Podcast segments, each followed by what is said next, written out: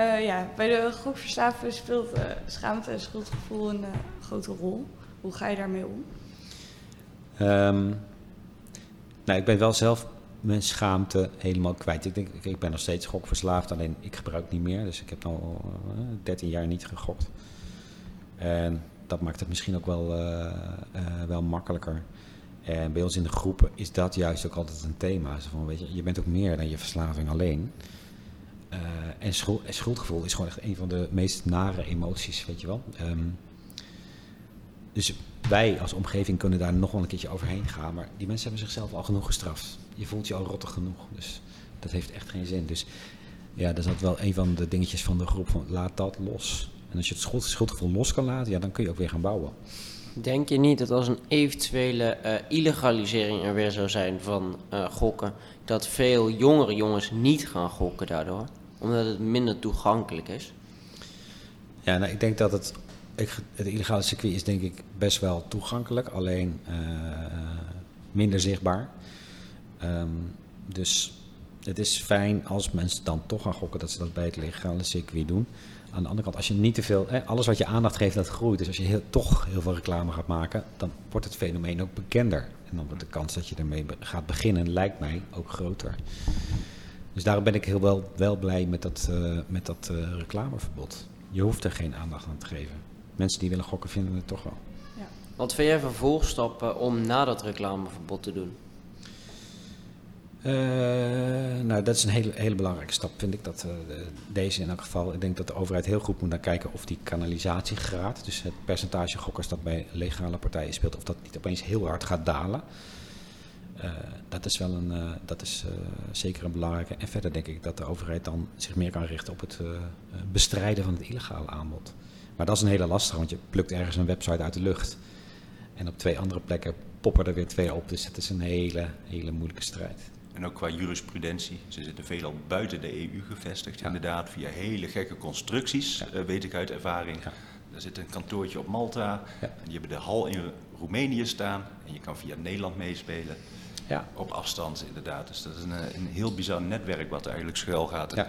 Ik denk ook niet dat je daar veel als overheid aan kan doen, behalve restrictie op um, ja, EU-niveau. Maar daarbuiten, inderdaad, wat zich daar uh, afspeelt ja, dat blijft ongrijpbaar, denk ik, ook die markt. Nou, het is een hele lastige. Mijn, mijn, een van de laatste dingen die ik bedacht had, maar goed, daar ben ik natuurlijk ook niet de enige in, is misschien ligt er wel een hele belangrijke rol voor banken. Want banken zien de transacties, die zien ook waar het geld naartoe gaat. Ja. Dat is één ding, maar veelal, het kan ook omgezet worden in crypto, wat ja. ik heel veel heb gezien, ja. inderdaad. En dan, uh, dan ben je al snel enorm anoniem. Ja. En daarnaast uh, is het ook een voedingsboding uh, voor witwaspraktijken, onder Zeker. andere. Dat ben ik ook veelvuldig in het nieuws tegengekomen. En dat zijn vooral buiten EU, waar geen, geen wetgeving eigenlijk is. Ja. Dus ja, door daar te gokken steun je eigenlijk indirect ook een grote criminele organisatie die er vaak achter schuil gaat.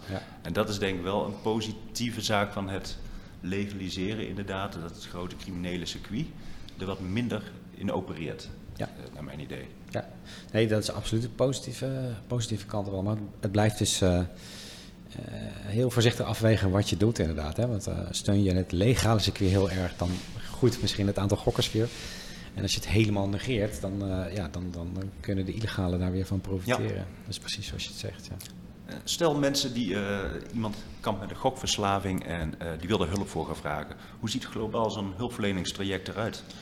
Nee, meestal, de, de, meest logische stap zou zijn verslavingszorg. nou, hier in Gelderland is dat dan de Iriszorg. Mm -hmm. Uh, als je nu direct aanklopt bij de eerste dan kom je niet naar binnen, want je hebt een verwijzing nodig van een huisarts. Dus ja, kamp je ermee, stap naar je huisarts. Dat zou mijn eerste, stap, eerste uh, tip zijn en overleg het daar. Een huisarts heeft ook beroepsgeheim, dus die gaat echt niet op Twitter zeggen van, uh, nou, wat heb jij een gokverslaafd? Dat gebeurt natuurlijk niet. En ja, die kan je doorverwijzen naar de reguliere verslavingszorg. Er zijn nogal wat reguliere verslavingszorginstellingen met wachttijden. En dat is voor verslaafden lastig als je een paar maanden moet wachten op hulp. Um, ja, ik kan wel van, van, mijn eigen stichting zeggen, ja, de stichting Anonieme Gokkers, wij hebben geen wachtlijsten. Dus bel je vandaag, dan mag je vanavond al komen. En um, dat is ook een krachtig fenomeen. En heel veel mensen lossen het ook op door en naar een, naar een psycholoog te gaan of en naar de reguliere verslavingszorg en tegelijkertijd via lot, lotgenoten contact met ons. Ja, en vooral om die periode daartussen wachttijd te overbruggen. Nou ja, ook dat, ook dat. Maar uiteindelijk kom je in, in een regulier traject, dan, dan zal uiteindelijk je behandelaar ook zeggen, joh, het is ook belangrijk dat je lotgenotencontact zoekt. Dus zij verwijzen ook naar ons. En soms komen de mensen ook alleen naar ons. En dan denk ik, ja, je hebt eigenlijk veel meer nodig. Dus dan verwijs je ook weer terug. Dus ik denk dat het ja, het, het, een uh, sluit het ander niet uit. Sterker nog, het versterkt elkaar. Ja. Is het een heftig traject om door te gaan? Ja, voor sommige mensen zeker. En sowieso is het waar veel gokkers mee kampen, is schulden. Uh, ja, van, van een klein beetje tot bizar veel. Het wordt snel multiproblematiek inderdaad. Ja, ja, en dan vallen er natuurlijk meer dingen om. Sommigen zijn een baan kwijt. Je, je relatie, uh, ja, je, die heeft toch al wat te verwerken gekregen. Dus sommige mensen zitten daarmee in de problemen. En dan moet je echt op alle bouwsteentjes van je leven moet je weer moet je aan, het, aan het werk. Dus het is vaak veel groter dan alleen maar jouw obsessie van het gokken. Dat, dat, dat heeft veel meer dingen veroorzaakt. Ja. Studieproblematiek, uh, alcohol soms erbij, nou, dat is alles, allerlei zaken. Ja. ja, je ziet het nu ook onder jongeren dat ze daardoor sneller geneigd zijn voor het snelle geld om af te zakken in zware schulden, maar criminaliteit. Ja. Uh, Dat het suïcidepercentage echt 15 keer hoger ligt dan normaal onder deze groep. En ja. dat, dat zijn wel schrikbarende cijfers inderdaad.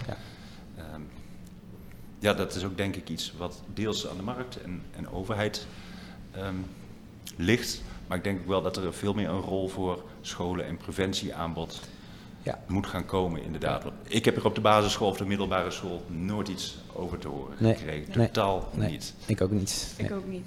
Wat zou jij dan, uh, als je voorlichting zou geven op zo'n school, wat vind je dan goed, wat, wat zou goede voorlichting zijn? Nou, dat is een hele goede vraag. Ik heb ook een, een bedrijfje opgericht, uh, Pas op Gamen en Gokken. En daarmee ik geef dus ook wel regelmatig uh, voorlichting op scholen, als de scholen uh, dat willen. En ik benader het wel altijd objectief, zoals in die zin van, ik verbied het niet, want dat heeft geen zin. Ja, dat, weet je zelf nog wel. Zeg tegen een puber, je moet naar links. En dan gaat hij juist rechts kijken. Dus ja, vrij neutraal. Van, nou, dit is het, het bestaat. En ik leg ook altijd het verdienmodel uit van een gokbedrijf. Dat er geen weddenschappen zijn waarbij de kans groter is dat je wint dan dat je verliest. En dat is bij alle gokspelen zo. Of je nou roulette speelt of een gok als Het huis bingo, wint altijd. Het huis wint altijd. Dus be my guest, ga het proberen, maar je zult altijd verliezen. En dan is misschien de keuze iets, iets, iets makkelijker. Maar ik probeer wel de keuze bij de mensen zelf, bij de jongeren zelf te laten. Want tegelijkertijd moeten we ook niet vergeten dat, wat is het, 90, 95 procent van de bezoekers van Holland Casino, die gaat daarheen om een leuke avond te hebben. En die heeft geen gokprobleem. Ja. En dan is het gewoon jouw vrije keuze. Als jij denkt, nou, het kost me 100 euro, vind ik niet erg, prima. Oké, helemaal goed, moet jij weten. Ja, dat denk ik dan. Ik zou het niet doen, maar goed, ik ben gekleurd uiteraard. Ja, Rick en ik zijn toevallig vandaag zijn naar de Gamebox geweest. Oké. En we hebben net uh, even een tientje, nou ik wil niet zeggen er doorheen gejast, ongeveer een tientje. We hebben er toch een half uurtje plezier van gehad, maar ik zou het niet nog een keer doen. En dat is de, een, uh, een gamehall, is dat? Ja, dat is hier, hier langs uh, het station. Ja, ja, ja, ja, ik ken hem. Um, ja, wij zijn eigenlijk, wij dachten van ja, we gaan gewoon eens kijken hoe dat is. Tenminste, ik was heel benieuwd van hoe ziet dat er nou uit, hoe gaat dat? En toen schrok ik eigenlijk best wel al van de prijzen. Uh, want bijvoorbeeld voor iets wat, waar je nog geen 10 seconden mee bezig bent, betaal je dan nog gewoon een half euro. Ja. En daar kun je dan zo hoppa je pasje tegenaan zetten tot die leer is, kun je hem zelf weer bijvullen en zo gaat dat. Ja. Uh, hoe kijk jij tegen die, uh, die gamehal aan?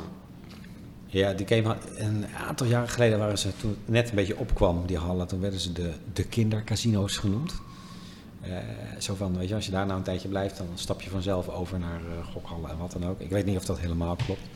Ik denk wel dat het plezier ervan, uh, de beïnvloeding, werkt op dezelfde stukjes in je hersenen als gokken.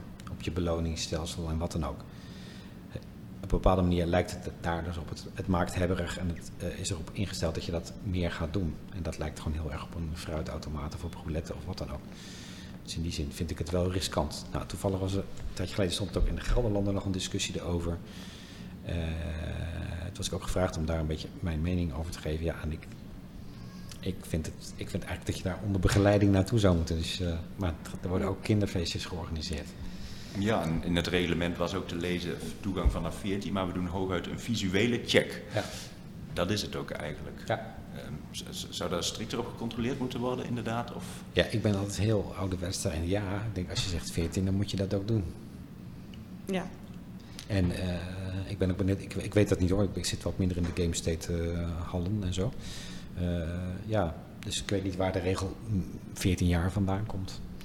Dus dat is 14 jaar, dan, dan mag je, moet je met, daaronder moet je met toezicht naar binnen. Waarschijnlijk wel, ja. Okay, ja. ja. Dat zou daarna moeten gaan. Maar je hebt dus ervaren dat je je tientje snel op was. Ja, we hebben er samen een half uurtje over gedaan. Uh, maar bijvoorbeeld wel een airhockey en zo. Dus nog wel de, de spellen. Maar ik merk inderdaad wel dat het best wel verslavend kan zijn. Ja. Maar ik zou eerder denk ik Toto en zo doen dan dit. Oké. Maar het scheelt dat ik nog geen 18 ben, dus dan wordt het sowieso lastig. Maar ik, de, eh, ik, denk van hoe langer ik er gewoon niet over nadenk en er vanaf blijf, hoe makkelijker het, het blijft. Ja. ja. waarom voel je dan de behoefte om bijvoorbeeld Toto te gaan doen later? Het lijkt me gewoon leuk. Het lijkt me gewoon wel. Maar ik zou het wel met, met weinig geld doen. Maar het begint ook altijd met weinig geld. Mm -hmm. maar ook omdat ik het veel om me heen zie. Ik zie veel jongens die dan uh, zeggen: hé, hey, ik heb hierop ingezet en hierop ingezet. Die zetten vaak elk weekend wel in. Zetten ze een multibedje of uh, een paar dagen in het weekend. Dus, eh, of vrijdag of zaterdag. Soms zaterdag, zondag, soms alleen zondag, soms alleen zaterdag. Zetten ze een multibedje en dan zetten ze 1 euro in op 10 verschillende wedstrijden. En als je dan alle 10 goed hebt, win je 100 euro. Als je eentje fout hebt van die, van die 10, dan heb je niks. Maar ja, je zet ook maar 1 euro in. Ja. Maar ja, als je dat wel een aantal keer per dag doet, of een aantal keer per week, elke week, ja, dan gaat het natuurlijk uiteindelijk wel gewoon 700 euro doorheen. En laten we zeggen, keer 40.000 jongeren in Nederland die dat elke weekend doen. Precies. Er is één grote lachende partij, die zit in Rijswijk. En dat is de Nederlandse Loterij. Ja, die, die, de Toto die, uh, die verdient daar dus aan. Ik weet niet of dat slecht is, hè, dat Europeanen die zeggen dat het slecht is, maar dat is misschien nog een soort van onschuldig. Uh, totdat je van 1 euro naar 100 of naar 1000 gaat. daar begint het of bij. 10.000. En uh, ja, dat geld heb ik niet en jij waarschijnlijk ook niet, omdat, maar dat gebeurt wel, die dingen. En dan verdient een gokbedrijf daar natuurlijk in één keer heel veel meer aan weer dan, uh, dan jouw 1 euro, zeg maar. En misschien is dat ook wel een soort van vermaak, hè? daar kan ik me ook wel iets bij voorstellen. Maar als hele groepen dat gaan doen, dan weet je zelf, uh, dan wordt het ook belangrijk, want op een gegeven moment doet iemand dan niet 1 euro, maar die doet 5 euro, of 10 of 20 dan wordt het een beetje opbieden naar elkaar. En dat, dat soort dingen zouden kunnen ontstaan. Zeker als ze dan één wint. Ja. Daar, gaat, daar gaat het vaak mis. Ja. Ja. En dan heb je het zogenaamde de, fear of missing out. Ook waarom mensen met uh, die postcode loterij meedoen. Als mijn buren winnen en ik heb geen lot, dan win ik niks. En daar speelt die loterij dus heel slim op in, op dat stukje psychologie. Dat denk ik wel altijd. Bij de postcode loterij is gebaseerd op angst. Want dan komt die grote rode vrachtwagen de straat in rijden. En dan zul jij er toch eens een keertje niet bij horen. En dan staan iedereen zat te zwaaien met die loten. En de een koopt een boot en de ander een nieuwe auto. En jij hebt niks. Ja. Dus heel veel mensen doen mee omdat ze bang zijn dat hij bij de buren valt. Ja. En ze zijn ook al flink vaak op de vingers getikt, de loterijen. Eh, de reclamecommissies inderdaad, kansspelautoriteit. Ja. Uh, wees het voorliegen inderdaad, uh, foutieve winkansen doorgeven. marktbeïnvloeding zelfs. Ja. Ehm, reclame, drukwerk, uh, wat eruit ziet als een aanmaning en dergelijke.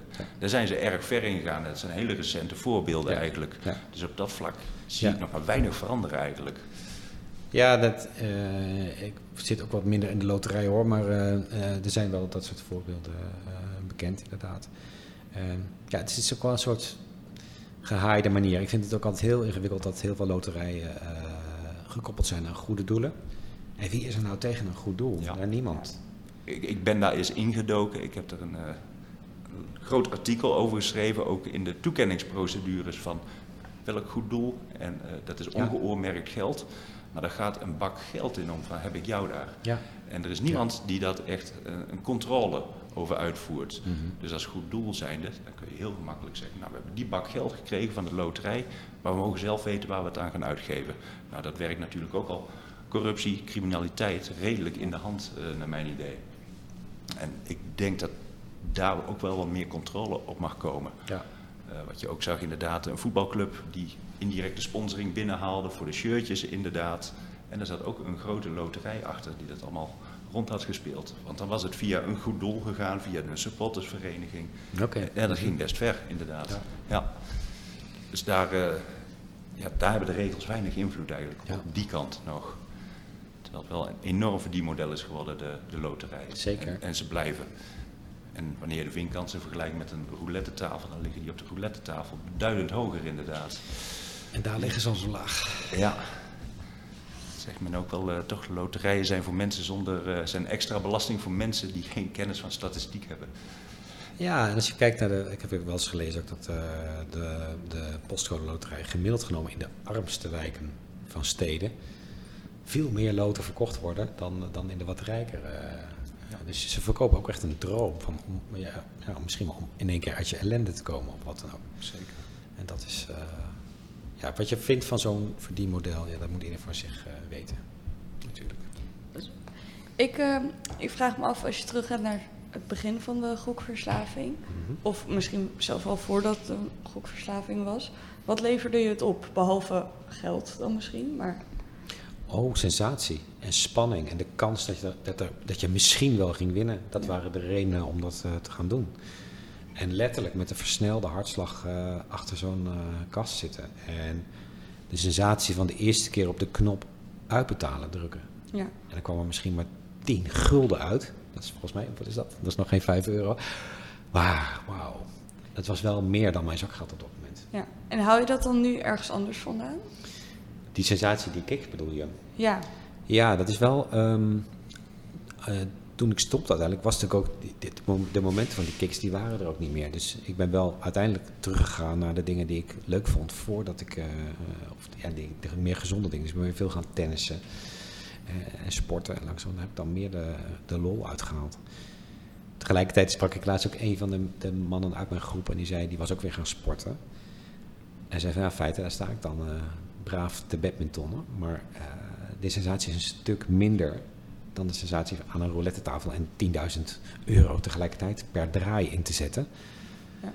En uh, hij zei, ik snap dat het gezonder is en beter, maar ik mis de spanning ja, ik kan me helemaal voorstellen. Dat hele systeem van spanning in je hoofd, van de dopamine, is zo verstoord geraakt als je in een keer uh, stopt, zomaar. En toch zei ja, ik snap dat badminton gezonder is voor me. Maar hij mist het ook wel een beetje. Zie je dan ook wel eens dat mensen opeens uh, gaan opzeilen of zo? Of gaan bungee jumpen voor die spanning? Nee, dat heb ik nog niet zozeer uh, gezien. Maar wel, uh, wel mensen die het er lastig mee hebben. Van, ja, waar haal ik nou mijn, mijn, mijn kick, mijn sensatie vandaan? Ja. En ja, ook iemand die verzucht, ik heb Netflix bijna uit, wat moet ik nu? Ja, ik weet het ook niet. Ja. Maar je moet weer terug naar ja, normaal gedrag. Voor zover, ja, wat is dat hè? Normaal is natuurlijk een hele moeilijke, maar... Uh, gelukkig hoor je die verhalen ook eigenlijk het meer hoor. Van mensen ja, ik heb nu wel, wel weer veel meer plezier en geluk thuis met mijn, uh, met mijn gezin. Ik geniet meer van mijn vakantie. En uh, wat fijn dat ik op vakantie ga zonder de stress of er genoeg op mijn rekening staat. En dat, ja, daar doe ik het een beetje voor. Dat soort dingen. Uh, vaak hoor je ook dat verslavingsgevoeligheid uh, in de familie zit. Is dat bij jou ook het geval geweest? Of misschien in je omgeving, dat je er ja. al mee te maken had gehad? Ja, zeker. Het zit absoluut uh, zit er wel verslaving in mijn familie. Ook de, de, generatie hiervoor, de generatie daarvoor. dus ja, in die zin ja, heb ik dat misschien ook wel een beetje daarvan meegekregen. Of een beetje, een beetje pech ja. gehad. Tegelijkertijd zeg ik ook altijd dat is heel leuk, hè? Veel mensen zeggen, ja, ik heb een hele ongelukkige jeugd gehad en er zit veel verslaving in mijn familie. Dan zeg ik nog steeds, ja, maar jij gooide het geld erin. Je bent zelf gegaan. Dus je bent altijd verantwoordelijk voor je eigen gedrag. Ja, ja ook al heb je het dan niet mee, misschien. Dat is ook zo. Dat maakt verder ook weer niet uit. Uh, ik, ja, ik moet het altijd doen ja. met degene die ik heb. Want die zijn niet bij de Albert Heijn. Uh, Zorgde dat er dan misschien ook voor dat je bij jezelf sneller herkende van, oké, okay, ik ben verslaafd? Um, Nee, niet, niet zo. Ik heb niet gedacht, oh, volgens mij ben ik net als uh, nou, opa of wat dan Nee, dat, dat, heb ik nooit echt uh, gedacht. Wel misschien met de kennis van nu, denk ik, oh ja, het zit inderdaad ook in mijn familie. Uh, nou ja, en dat maakt het iets meer logisch, maar verder kan ik er ook zo, niet zoveel mee doen. Kijk wel stiekem wel eens naar mijn eigen kinderen. Ik, hebben die dat dan, hebben die dat ook? Dan kijk of je dat daar ontdekt. maar goed, ik sta ook met hen wel op zo'n voet dat ik het er ook met hen over heb. Ja. En uh, gelukkig is dat echt helemaal uh, niet het geval. En uh, ja, daar ben ik alleen maar blij mee. Ja. Wat zou je ervan vinden als je kinderen een keer zeggen van... papa, ik wil wel een keer proberen zo'n automaat 20 cent Oh, dat is, dat is ook al gebeurd. Mijn, mijn zoon Gijs, die woont, woont ook hier in Arnhem. En die zei, die had het hele verhaal van mij lang gehoord. En uiteindelijk zei hij, ja, ik, ik wil toch een keer met mijn jaargenoten, zouden ze naar Holland Casino gaan. Ik zei, ja, dat moet je doen, ga kijken. Ik zeg maar, doe een beetje voorzichtig, zeg ik dan. En toen de volgende dag, en ik heb de apps nog op mijn telefoon staan, toen appte hij me van pap. Ik uh, kwam binnen met, ik ben naar, naartoe gegaan met 15 euro. En ik ben weer naar buiten gegaan met 15 euro. Dus toen appte ik terug, nou dan heb je het goed gedaan. Ja, appte hij, maar halverwege de avond zat ik op 80 euro. Dus hij had, had gewonnen, had gewonnen. En ver van 15 naar 80, hè. het zijn natuurlijk geen hele grote bedragen, maar het is wel een enorme sprong. Ja. En het is weer teruggegaan. En bij 15 dacht hij van ja, nu, nu moet ik stoppen. Klaar. Dus ik was echt heel trots op hem. hij heeft denk ik heel veel geleerd die avond. Ja, ja dat is wel mooi. Ja. En, dat, uh, en tegelijkertijd als je daar bent en rondkijkt, dan zie je ook uh, iemand natuurlijk, van 15 naar 80. Maar dat gebeurt ook van 1500 naar, uh, naar 8000. Ja. Of van 15.000 naar 80.000. Dat komt ook voor.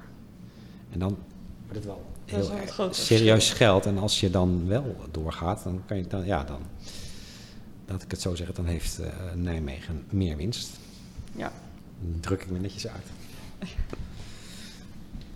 Uh, ik denk dat we toch best wel veel te weten zijn gekomen. Zeker. Uh, hebben jullie nog een laatste vraag?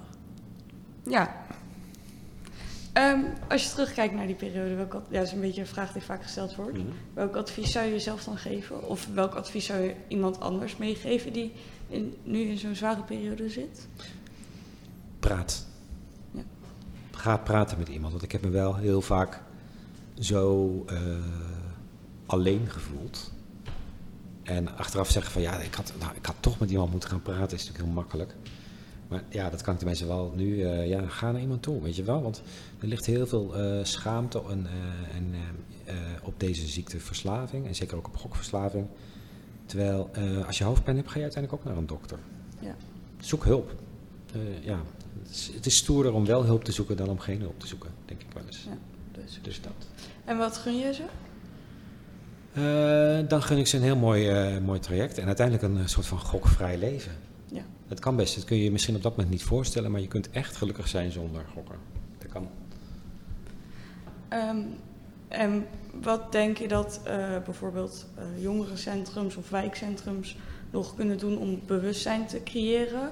Uh, of wat die kunnen doen is, nou sowieso weet dat er bijvoorbeeld zo'n zo'n zelfhulpgroep is. In, als ik naar Arnhem kijk naar hier, dat kan je doen. Je kan een keer een gastspreker uitnodigen die komt vertellen leg folders neer van hulp misschien. En, uh, en blijf met ze in contact. Praat en vraag wat ze doen. Ja. En dan hoor je het ook wel.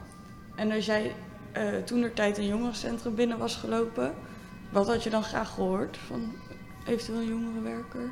Um, als ik daar dan mee in gesprek was geweest, ja, dat, dat er hulp was. En dat ik, ja, misschien dat er een, een warm oor was geweest dat naar me luisterde of zo. Oké. Okay. Nou, dat zijn hele mooie woorden, denk ik. Ik denk dat we hem hierbij af gaan sluiten. Ik wil jullie allemaal bedanken voor het uh, meedoen aan deze podcast, voor het luisteren naar deze podcast en onze audiotechnicus die daar voor de laatste keer bij is, als het goed is. Ja. Oké, okay. nou uh, dankjewel voor het luisteren. Dankjewel dat je er was. Ik vond het heel interessant. Geen geleerd. Graag gedaan. En wij zijn er volgende week wel gewoon weer. Ja, zeker. Tot volgende week.